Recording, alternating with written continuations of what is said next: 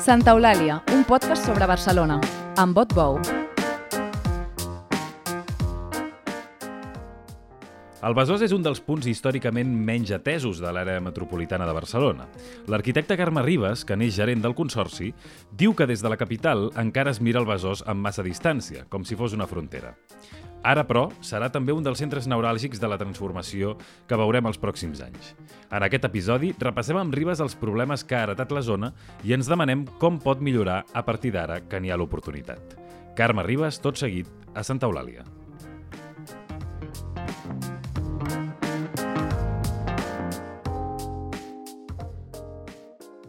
Carme Ribes, benvinguda a Santa Eulàlia. Hola, bona tarda. Un plaer, un plaer tenir-la aquí. Uh, anem a pams. Avui volem parlar del Besòs, però uh, a vostè li he sentit unes quantes vegades aquesta idea que el Besòs continua sent encara avui, potser ja menys que abans, però continua sent una frontera. O des de Barcelona la veiem com una frontera. Per què és això? Jo, jo crec que és veritat que és certa i és una frontera, sempre ho dic, és una frontera molt més mental que no física, perquè em sembla que el Besòs tot és un riu que tampoc no és tan ample, o sigui que és molt, és molt fàcil de creuar, té molts ponts, però per l'imaginari del barceloní eh, sí que continua sent un final. I sempre explico no, que el, el, en el fons el, l'ocupament del Pla de Barcelona, que és el Pla Cerdà, no? mm -hmm. quan es, es planifica l'extensió, acaba amb un parc, que segurament hagués estat bé tenir-lo, un parc fluvial al costat del riu, però entenent-lo com a límit, no? I això és com el final d'aquesta nova ciutat, no?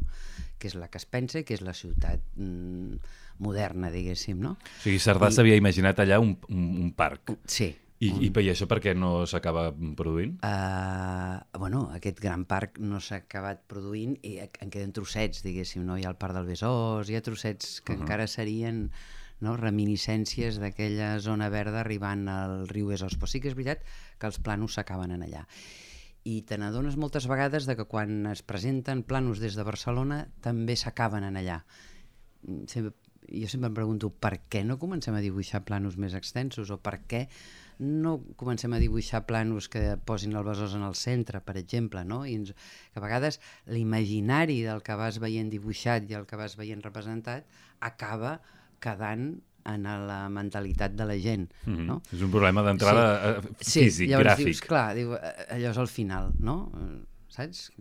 Ara hi comença a haver-hi coses que ajuden, els planos de metro van més cap enllà, no? Les línies d'autobusos van més cap enllà, per tant ja comencem a tenir un altre imaginari que són aquests mapes, diguéssim, que superen aquests límits. Però sí que és veritat que fins fa molt poc això era un límit molt clar en totes les representacions de la ciutat. I el concepte de límit ha- ha complicat eh, la relació amb Barcelona no només amb la, amb la cosa espaial, no? també amb la, amb la qüestió política. Bueno, administrativa. Administrativa. O sigui, el, les fronteres administratives són molt més importants dels que ens pensem. O sigui, que a vegades dius, no entenc què està passant, perquè és un carrer que, no? que una banda passen unes coses a nosaltres, i és que és un límit, un límit administratiu. Uh, clar, i que cada una té els seus procediments per actuar, no? I que no sempre es posen, no sempre és fàcil posar-ho d'acord, no? Perquè ciutat- Barcelona és una ciutat mo- molt potent, amb una administració potent, amb una carta municipal que té molta capacitat no? de gestionar. Els municipis més petits en tenen menys i moltes vegades es nota aquesta diferència, inclús amb la inversió. La inversió és brutal, la diferència. O sigui, dius, d'haver nascut a una banda del límit municipal o a l'altra banda et pot canviar, mm, que vol dir que tens la meitat de la inversió per persona, no? Perquè, clar, mm, Barcelona té molts recursos i, a més a més, és una cosa que jo crec que és importantíssima, té una capacitat redistributiva molt important. I Barcelona pot dir, doncs aquest any inverteixo menys a Pedralbes perquè no fa falta i poso molts diners al, als barris del Besòs Maresme, no? per parlar de barris del Besòs. Uh -huh. En canvi, un municipi de 40.000 habitants com Sant Adrià o Montcada o municipis més grans com Santa Coloma mm, no tenen aquesta capacitat de fer-ho. Clar, no? també es Perquè- redistribueix, però es, redis- es però redistribueixen els seus diners. eh, Els, clar, redistribueixen els seus diners en un municipi que és més, per exemple, el de Sant Adrià, que és més petit que qualsevol districte de Barcelona. Mhm. I que no hi ha tantes diferències socials com hi ha dintre de Barcelona. Per tant, la capacitat redistributiva que tenen aquests municipis és pràcticament zero. Clar, Barcelona no? pot treure barris de Pedralbes per posar... Ai, barris, diners Inversió. de Pedralbes per posar-ho, Sí. per invertir-ho en els barris més Sí. pobres, però aquesta inversió s'acaba en, el, en, en el seu en la municipi. frontera llavors, municipal. Llavors dius, clar, en aquest cas fa molta falta un govern metropolità que sigui el que faci aquesta redistribució.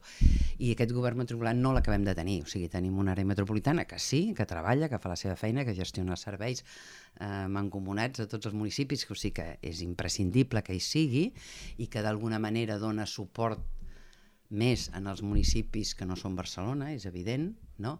però aquesta redistribució real dels recursos no l'acaba de fer del tot. No? Això que és una cosa que se sent de manera molt recurrent amb, amb reivindicació per part de- d'associacions o d'organitzacions d'aquests municipis de, del, del Besòs o d'altres punts de l'àrea metropolitana, per part de polítics. Per part... Com, com és que, eh, si és una necessitat tan imperiosa, costa tant que s'acabi produint? Bueno, perquè, perquè en el fons l'àrea metropolitana és, un, és, un, és una associació, diguéssim, de municipis, no és un... No és un no estan a en els òrgans de govern democràtics eh, votats, eh, tens, que tinguin, hagin de respondre a, unes, a uns criteris dels ciutadans que els han elegit, no? Per Per tant, hi hauria d'haver ja- unes eleccions a l'àrea Bueno, metropolitana. a vegades et planteges, potser no estaria malament que votéssim l'àrea metropolitana, bueno, saps? I que tingués unes altres atribucions que van més enllà de les que té ara, no? Ara jo crec que fa una feina imprescindible, eh? Imprescindible, que és gestionar doncs, tots els temes de residus, de transports, de subministres, d'aigua, és importantíssim, no? perquè són, són temes que són mancomunats de tots i aquesta feina l'està fent l'àrea metropolitana. I també ajuda en aquests municipis més petits, amb, amb, amb projectes d'urbanització, sí, sí que està fent una feina, no, no, no vull dir que no estigui fent res, està fent una feina imprescindible, però, no a vegades poder. planteges si no hauria de tenir més poder i anar més enllà, saps? Mhm. Em, Perquè aquesta, aquesta relació complicada amb Barcelona no és només una cosa de la gestió dels recursos ni de la cosa física que dèiem, també, eh, i vostè ho ha explicat de vegades, és que eh, el, el Besòs s'ha quedat moltes infraestructures que Barcelona no volia, no? Bueno, Ho podem dir així? Sí, bueno, que Barcelona no ho volia o que, o que els ciutadans no volien, eh? Quan, jo, quan parlem de Barcelona no parlem dels governs, eh? Parlem de, de tots els Mm. barcelonins, no? Que vas com apartant fora... Quines algú- són aquestes Home, infraestructures? eh, en el Besòs hi ha hagut les plantes de producció de- energètica des del segle XIX, diguéssim, i s'han anat canviant, i primer eren de carbó i després què, però sempre al Besòs, també n'hi ha hagut al Llobregat, eh, però al Besòs eh, hi ha doncs, una gran depuradora, eh, hi ha plantes de reciclatge d'escombraries, de, de, tant al mar com, com a l'antiga cementera de Montcada, que d'on crema escombraries. O sigui que hi ha tota una sèrie de serveis d'aquests que en els ciutadans no els agrada tenir-lo al costat de la casa seva, Mhm, no? que es van que han anar anat, han arrossegant, anat, arraconant. s'han anat empenyent i s'han anat empenyent sempre històricament cap a aquests límits i un dels límits és el Besòs. Clar, el Llobregat és molt més ampli, té molt més espai, no?, en el fons, i en canvi el Besòs, en el Besòs tot està molt més apretat, l'edificació arriba molt més al riu, per tant, les, la presència d'aquestes infraestructures es fa més evident. Eh? I- I, clar, són infraestructures que serveixen a tota l'àrea metropolitana, no només al Besòs, però els barris del Besòs, també els de Barcelona, eh, del Besòs, els tenen molt a prop de casa seva, o sigui, els tenen al costat del seu balcó, no sé com dir-ho, saps? Aquestes, aquestes infraestructures fins a quin punt són un fre per la, per el, um, la regeneració d'aquesta àrea de, metropolitana? Uh, O fins a quin punt són una nosa, diguem-ne, només uh, diguem Bueno, són- perquè treuen fum o perquè molesta sí, el soroll? són o una, perquè... són una nosa perquè en el fons incomoda no? veure que hi ha una planta que treu fum, que pateixes. Evidentment tenen els seus sistemes de control i, i bueno, hi ha molta pressió perquè es controlin bé i perquè les emissions estiguin molt controlades i s'està fent eh, des de la Generalitat i des de totes les administracions que els hi pertoca, però si tu vius al costat i vas veient que tens al costat una planta incineradora o sents les olors d'una planta depuradora, mm, són qüestions que, que incomoden els que hi viuen allà i ho entenc perfectament, no? Mm. Llavors vas molt més enllà i planteges si és el lloc millor per viure, etc etc etc. no? Són aquests cicles. I després, per exemple, les rondes, no? Les rondes afecten a Barcelona, però també afecten molt en aquests barris perifèrics, no? I les rondes sí que són una font de pol·lució clara, o sigui, el que sí que s'ha vist és que en termes de pol·lució de l'aire la circulació del tràfic és el pitjor per sobre de qualsevol altra història. Eh? I que les rondes precisament fan de, fan, fan de barrera amb, Clar, amb el cas del les Besòs. rondes s'han afegit a la barrera del Besòs i a més a més són una font de, de pol·lució que també la, patim els bar, la, també la pateixen molts barris de Barcelona, però en aquell cas específicament els barris del Besòs els hi toca patir una part important de la pol·lució de les rondes no? que la tenen instal·lada allà davant de casa seva. Ara, ara, ara que parlàvem d'inversió, fa un temps es va, fa uns mesos es va anunciar una inversió de l'àrea metropolitana, la Generalitat i el govern espanyol de 500 milions Um, això, i sobretot que, diguem-ne, uh, afectaria a tots els municipis del Consorci i també els barris, de, en el cas de Barcelona, els barris de Vallbona, Trinitat Vella, Verdó Viver i Bon Pastor. Això és suficient? És un principi? Sí, és que, un... eh, que, que m'estàs parlant de la inversió de l'àrea metropolitana? Sí, de la, inver de la inversió, d'una inversió pactada per millorar tota aquesta, tota aquesta àrea, Qualsevol, tota aquesta aquest, zona. Aquestes inversions són bones, diguéssim. Passa que és evident que són bones. Vull dir que això és indiscutible. Eh? Uh, passa que, clar, s'han fet molts programes, moltes llistes, la gent de Besòs, ara jo parlo directament del Besòs, eh? el Pla Besòs, la gent de Besòs, la llista d'inversions de l'AMB en el Besòs, i mm, sort que hi són, diguéssim, perquè mica en mica es van fent les coses, eh? però sí que hi ha un cert cansament de, de, de tants programes i tants plans que costa molt veure els El resultat. Costa molt veure el resultat, però evidentment qualsevol pla d'inversions és bo. I això, eh, aquesta dificultat per, per palpar-ne el resultat és un tema de que el procés en si mateix és lent però tard o d'hora arribarà? O és un tema de, de falta de planificació, de El- falta d'imaginació? No, que el procés és lent, uh, jo crec que idees sobre el Besòs n'hi ha moltes i moltes ja estan com funcionant, que el, els processos són molt lents i que no tots els plans que s'han anat dibuixant i, i preveient anaven clarament associats a un programa d'inversió, saps? O sigui, una cosa és fer una, llista, una llista del que s'hauria de fer i valorar-ne els costos, l'altra és tenir la partida pressupostària per fer-ho. Mm -hmm. Hi ha un gran salt, saps? Moltes vegades s'han fet llistats amb, amb primeres avaluacions, diguéssim, del cost que tindrien, però que no han portat la partida pressupostària garantida, entens? I això va cansant, no? Al final provoca un cert cansament, però a poc a poc es van aconseguint les coses, eh? Parlem d'un de, un dels exemples de millora, de, de, de punts que a poc a poc han anat millorant, és el riu pròpiament, no? Sí. El que vostè deia que fa, fa 20 anys era una claveguera a cel obert pràcticament i ara Sí, ha, sí. ha millorat. Però no sé si podria explicar gràcies a què ha millorat, com si poguéssim fer un repàs de, de com ha evolucionat això. Home, mm, sí, ha canviat radicalment. O sigui, el, el riu Besòs era una, una claveguera a cel obert, un pati del darrere, un lloc d'abocaments... Mm, Encara hi viu molta gent que t'explica que un dia l'aigua, la poca aigua que baixava, un dia baixava groga, l'altre dia vermella. O sigui, hi abocaven indústries químiques de les que hi ha a la zona del Vallès uh, era un riu que no era riu. Sempre s'ha dit que era potser el, el riu més pol·lucionat d'Europa segur, mm va haver uns anys, no? D'allò a lo que és ara, jo crec que ha canviat moltíssim. I això és gràcies a un programa que es va emprendre, eh, amb, va començar Santa Coloma, després es va afegir Sant Adrià, amb la Diputació, amb fons europeus, i en Barcelona, que també s'hi va posar, i es va fer un projecte ambiciós de convertir aquell riu, que era una claveguera, en un parc fluvial. I això és molt innovador, perquè quan parlem d'un parc fluvial normalment parlem de les marges de la llera del riu. Allà estem parlant de la llera, o sigui, el parc és la llera, mm. perquè no té marges aquest riu.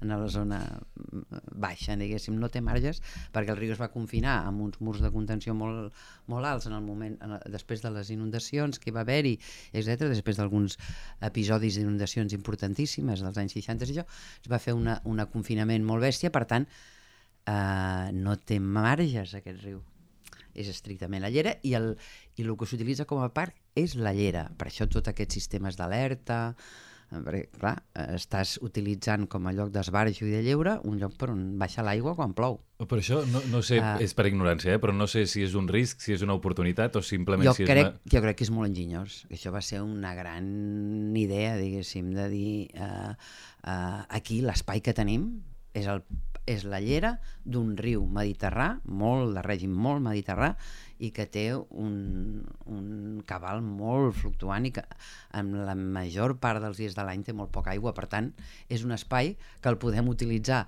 pels ciutadans i per el foment de la biodiversitat i etc per millorar la qualitat ambiental, sempre i quan prenguem les mesures de que no hi hagi problemes de seguretat pels ciutadans. Eh, que això va ser un tema molt novedós, eh, que va estar bé, i a més a més no només això, sinó que la pròpia llera del riu, en la banda més alta, la zona de Montcada, de, entre Montcada i Santa Coloma s'hi van fer uns canyissars, diguéssim, que són eh, espais de depuració, d'una última fase de depuració del tractament d'aigües de les depuradores, o sigui, que es depura hi ha una fase de depuració que es fa dintre de la llera del riu. Això també va ser molt innovador i per això van rebre els fons europeus. Eh? Uh mhm. -huh. Amb tot això, jo crec que el canvi del Besòs va ser fonamental. Aquest parc fluvial té un, un ús mm, bestial, i té un, és un espai de molt, molt, molt, molt d'èxit i ara estem en un moment en què dius, bueno, s'hauria d'anar fent passets més enllà, que ja s'estan començant a fer. I quins són aquests passets que s'haurien de fer a partir d'ara? Com... Doncs, primera cosa, eh, en aquell moment es va ser molt clar, doncs, mantenir una zona en què passés sempre l'aigua, fer uns suts, que vol dir unes petites preses perquè es veiés sempre aigua, però d'alguna manera es va artificialitzar bastant, no? Ara, doncs, tothom està ja com treballant més amb una idea de que hauria de, hauríem de tornar una certa renaturalització més clara del riu en quan es pugui, perquè evidentment que hi ha moltes coses que no es poden fer perquè tenim l'edificació al costat, però igual sí que potser tornar a meandritzar alguns llocs, crear aiguamolls, per exemple, Santa, a la banda Barcelona de Santa Coloma, al marge mm. dret, ja s'està fent un, ja s'ha construït, hi ha unes primeres fases de zona de refugi de biodiversitat, amb uns, uns llagunatges, unes zones menys pensades per l'ús públic saps? i més pensades per regenerar el, el medi ambient, diguéssim, i per afavorir la biodiversitat. I això ja és una primera fase d'altres coses que s'han d'anar fent inclús pujar més amunt i connectar-lo millor amb la serralada de Marina, o sigui, crear un sistema de verds, o sigui, d'infraestructura blau-verda, diguem-ne, que connecti amb les serralades i això fomentar-ho més. No? Això està planificat o és, una... Uh... és un somni, diguem-ne, que li agradaria que passés? Bueno, així, estrictament planificat així no, però vull dir que, evidentment, el, el pla director, el PDU que està treballant, recullen totes aquestes idees, eh? o sigui que aquests sistemes de vers que es connecten en tots els planejaments que s'estan treballant queden recollides. I això connecta amb la idea que tenia Sardà al principi o, o, o ja és una cosa molt distant, molt elaborada? Bueno, molt... Això, ja va, això ja és una altra cosa, eh? o sigui, ja és un pas més endavant perquè vull dir, ja estic parlant de planejaments d'escala molt més gran que el, que el Pla Sardà, eh? que parlant de, de grans infraestructures verdes de connexió amb el territori. No, però tot, feia gràcia sí. perquè tota aquesta descripció sí. del parc que feia sí. eh, feia pensar en això que explicava sí. al principi i de vegades sí. sembla que tornem molts anys després a, a sí. idees que Cerdà ja havia Bueno, però en, en, en aquell moment no, eh, eh, estava bé, eh? vull dir que era una bona idea, però vull dir, tenia més aquesta idea dels grans parcs de, de ciutats que arriben al riu en un parc, i ara i el que jo estic parlant és més d'un sistema de vers, diguéssim, mm -hmm. que, que s'uneix i que fa una xarxa de connexió d'espais verds. I després amb el tema medioambiental, a banda de seguir tot el, tot el recorregut del riu, hi ha, hi ha un altre problema a la, desembo a la desembocadura, a la desembocadura bueno, pròpiament. Sí, no? bueno, eh, que en el fons és part del mateix, eh? o sigui, la, la desembocadura és un espai molt fràgil, que hauria d'estar molt protegit, que de fet mm, ja s'intenta que ho estigui, però clar, té molta pressió urbana mm, i que d'alguna manera s'ha d'anar treballant i s'han fet algunes propostes perquè, fos, perquè evitar, diguéssim, la presència humana, diguéssim, o com conduir la gent perquè preservi que, aquella àrea com a zona interessant per la biodiversitat, perquè és una mm. zona d'anidament d'ocells, etc. Per tant, aquí hi ha un punt com delicat. I clar, la, la, la desembocadura també està molt estreta, segurament estaria bé com que s'eixamplés una mica i que pogués comptar amb zones també d'aiguamolls i així més al, al a les seves bandes, però tot això d'alguna manera està en totes les feines que s'estan fent ara, diguéssim, o projectes de futur, que el que li, els hi falta és la inversió. Ho deia, ho deia perquè també hi havia aquest, aquest problema, si no tinc mal entès, a les platges, sobretot de Sant Adrià sí. i de Badalona, del, del, altre, del vessament de residus industrials no? nocius. Que, que... Aquesta és, això és una cosa que sempre la dic. O sigui, no pot ser que hi hagi àrees que han mantingut, que han sigut una part substancial del creixement econòmic del nostre país, de la nostra ciutat segur, però del nostre país també, no? i que en el moment de canvi de model econòmic, que s'han tancat les empreses, etc etc, siguin els ciutadans d'aquella zona els que hagin de suportar tota la càrrega de la part negativa, diguéssim, d'aquests assentaments industrials que hi havia allà. Crec, eh, eh, sembla clar... Sense haver-se beneficiat especialment de la part positiva, no? A més a més. Bueno, de la part positiva ens hem beneficiat tots, mm. tots. No? Tots els que estem aquí som fills de nets, de el que sigui, d'un no? moment d'expansió econòmica, que hi va haver-hi indústries molt potents eh, situades en aquestes àrees. Sí, sí, ho dic a nivell no? de la desigualtat. Clar, llavors, això, tot, el que no pot ser és que la càrrega negativa recaigui sobre uns ciutadans concrets i sobre uns municipis concrets. Per tant, hi hauria d'haver-hi com una acció solidària no? en aquest sentit. Clar, això què passa? No? Que totes aquestes zones antigues industrials pues ara tenen unes restes de, de contaminació important, a més a més els nivells d'exigència que estem posant ara cada vegada són més alts, que està bé, està bé, o sigui, cada vegada són més exigents amb, que, amb, la qualitat dels sols i que no ens podem permetre no? conviure amb residus. No? Per tant, això em sembla que està bé, però hauríem de ser establir una certa solidaritat de que les àrees que no han tingut aquesta càrrega industrial eh, també col·laborin en les zones que han tingut. Llavors, què passa? Per exemple, zones al voltant del Besòs, clar, clar que va ser un entorn molt industrial, doncs cada que aixeques una pedra doncs et trobes residus mm, Eh? I mm. això és molt costós, però molt costós. No? En la recuperació mediambiental a través de l'urbanisme de tota aquesta mm, regió, Uh, com es pot recuperar, més enllà de, de tot això que dèiem del riu, com es pot recuperar espai pels peatons? Per exemple, amb, amb el cas de les rondes, no? que hi ha hagut de manera uh, recurrent ha sortit aquesta proposta de cobrir, de cobrir la, mm. la ronda litoral per fer-hi habitatge i per, i per enverdir-ho. Vostè això n'és partidària o...? Jo crec que això és molt car, molt car. Uh, jo crec que es podria fer alguns trossos com ja s'ha fet, hi ha trossos de ronda coberta, jo crec que s'ha de pensar molt estratègicament a quins punts convé cobrir, quins no, llavors no em sembla malament que les zones que cobreixes eh, no sigui estrictament per cobrir, sinó que siguin per afavorir la transversalitat i per, i per mm, la connectivitat i mm, per obtenir espais per altres usos, com pot ser l'habitatge. Això no em sembla malament, però evidentment la ronda... O sigui, tapar-les per no veure-les també és com voler no veure el problema, vull dir que segurament mm, hi ha un tema de canvi de model de mobilitat, i això és claríssim.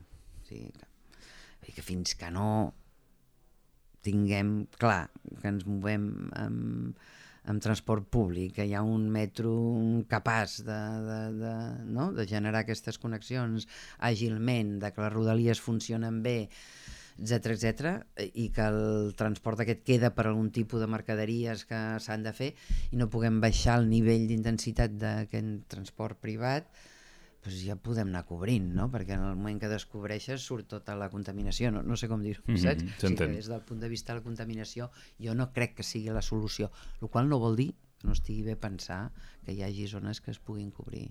Com es fa perquè la reactivació econòmica de tota aquesta eh, regió del Besòs mm, garanteixi pels veïns, per la gent que hi viuen, mm, sous de qualitat i, diguem-ne, una, una eh, compensar aquestes dinàmiques de segregació de, i de desigualtat que, que han anat sortint durant tota la conversa. Quina mena d'activitats s'hi poden concentrar?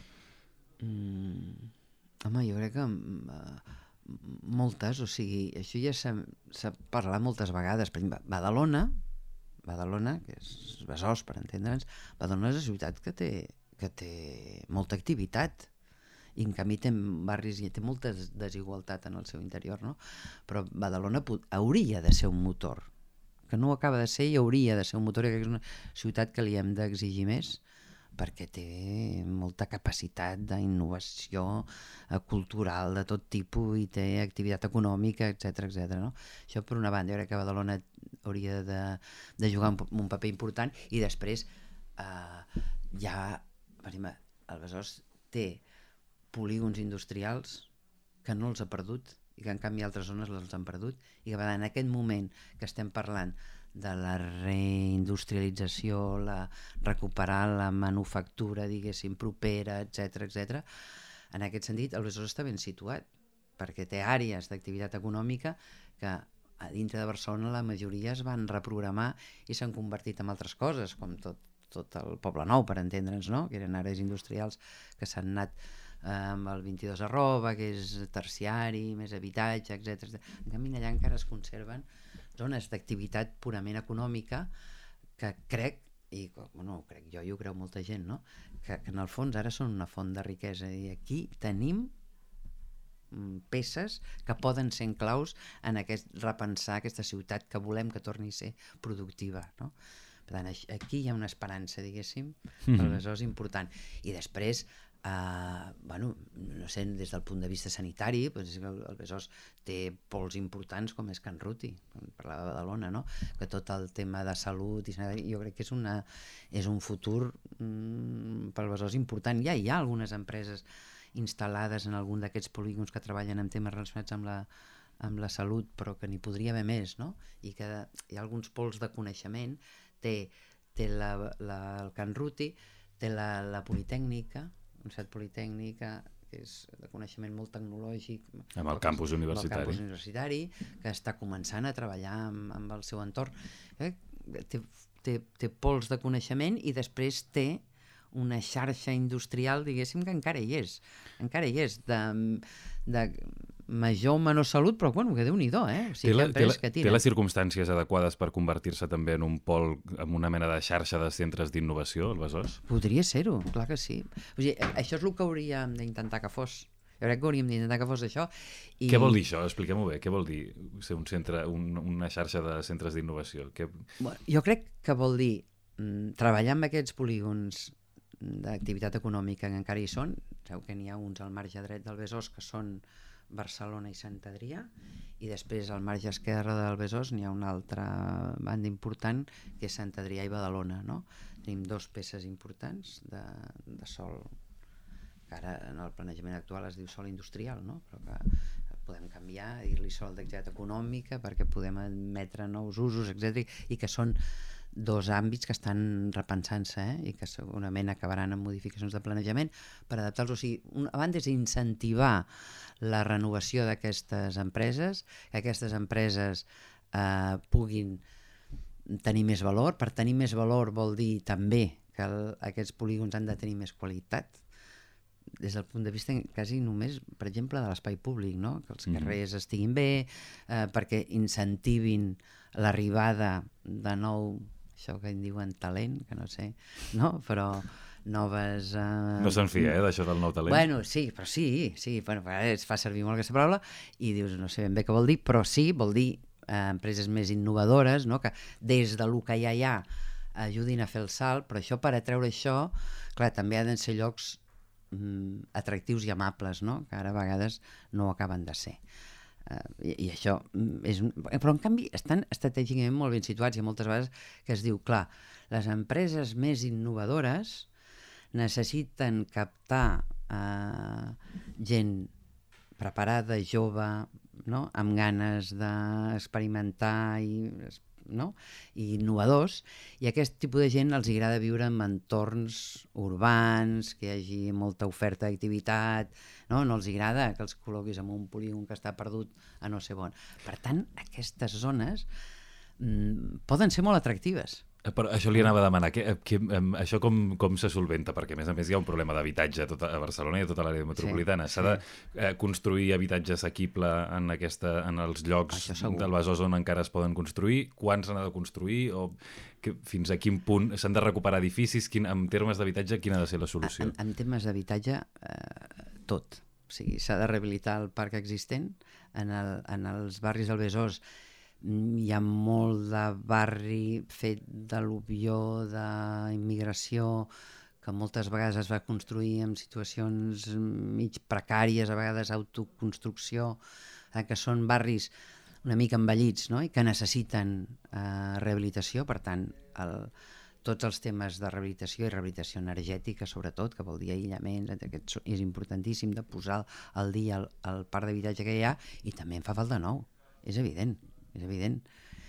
Llavors, bueno, hi ha algunes oportunitats, no sé, doncs el desenvolupament del barri de les Ximeneies, Badalona té encara alguns té encara llocs d'oportunitats per construir de nou, però, evidentment, que s'han de fer totes. Totes. Al, a les tres xamaneies, al voltant de les tres xamaneies, les 32 hectàrees al voltant, sembla que hi ha previstos 1.800... Una cosa així, sí, 1.000, no, sé, mm. no arriba a 1.800. Bueno, una xifra al voltant, sí. no? I allò, segons el pla director urbanístic, ha de, és un, ha de ser un, un equipament públic, no?, les tres xamaneies, pròpiament. Sí, sí. Uh, bueno, tres, la nau de turbines. La nau de turbines. Sí. I, um, i, té, I té esperança amb la reconversió d'aquest espai?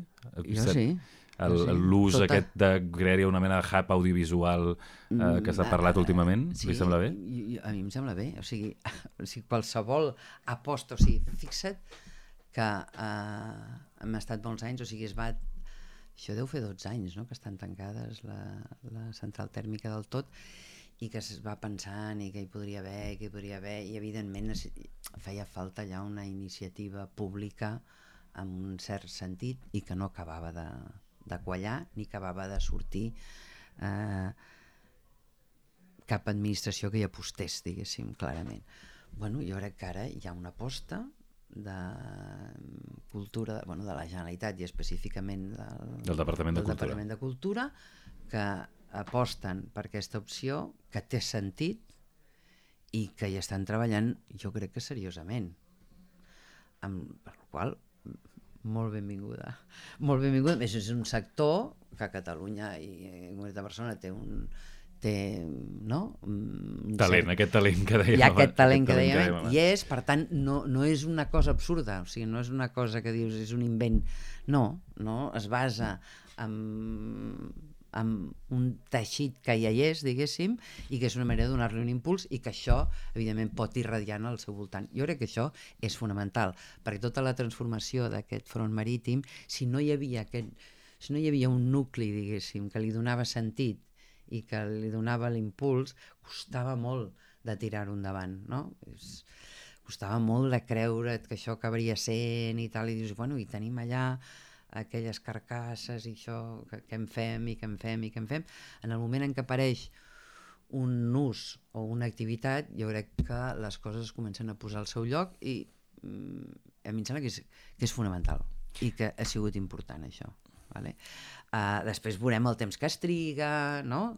Com, però vaja, l'aposta certa hi és, o sigui, la nau de turbines en aquest moment ja és de la Generalitat. Eh? Mm -hmm. Hem estat treballant per fer una sessió anticipada que normalment allò és un equipament, seria de la Generalitat en el moment en què hi hagués hagut la reparcel·lació, etc de tot el... i s'ha anticipat aquesta sessió de la Generalitat perquè es pugui, es pugui començar a obrir la nau i la Generalitat pugui començar a treballar per convertir-la en aquest equipament lligat en aquest hub eh, audiovisual, que aquest hub audiovisual ha d'anar més enllà de l'equipament perquè al costat hi ha, un, hi ha primer les ximeneies i després unes zones eh, qualificades d'activitat econòmica, o sigui que tot plegat pot fer part d'aquest d'aquest hub que tingui una part pública després que pugui haver-hi com unes parts privades jo no sé si és que m'agrada creure-m'ho, però és que m'agrada creure-m'ho i m'ho crec. Abans, abans, de, abans de parlar, de fet, em deia eh, és important també que parlem en algun moment amb optimisme de tota la zona del Home. Besòs, perquè la gent està farta, la gent d'allà està farta de que se'n parli sempre malament, o sí. gairebé sempre sí, malament. Sí, que sempre surti amb els índexs de vulnerabilitat més alts, amb els no sé quantos més alts, amb els nivells d'educació eh, més baixos. I dius, bueno, és que mm, fa, fal fa falta creure i, i sentir-se orgullós del territori, diguéssim, no? I, I a mi em sembla que aquestes coses són importants i que això vagi endavant és important. És, és important pel Besòs, és fonamental. Molt bé. És fonamental. Sí. Doncs, uh, Carme Ribas, ha encantat. Un sí. plaer la conversa. Gràcies per venir a Santa Eulàlia. Gràcies a vosaltres. Recordeu que ens podeu enviar els vostres comentaris o suggeriments a l'adreça de correu electrònic santaeulàlia.vilaweb.cat. Gràcies. Santa Eulàlia és un podcast de VilaWeb presentat per Otbou amb Carles Garcia al servei tècnic i a les veus Maria Castanyer.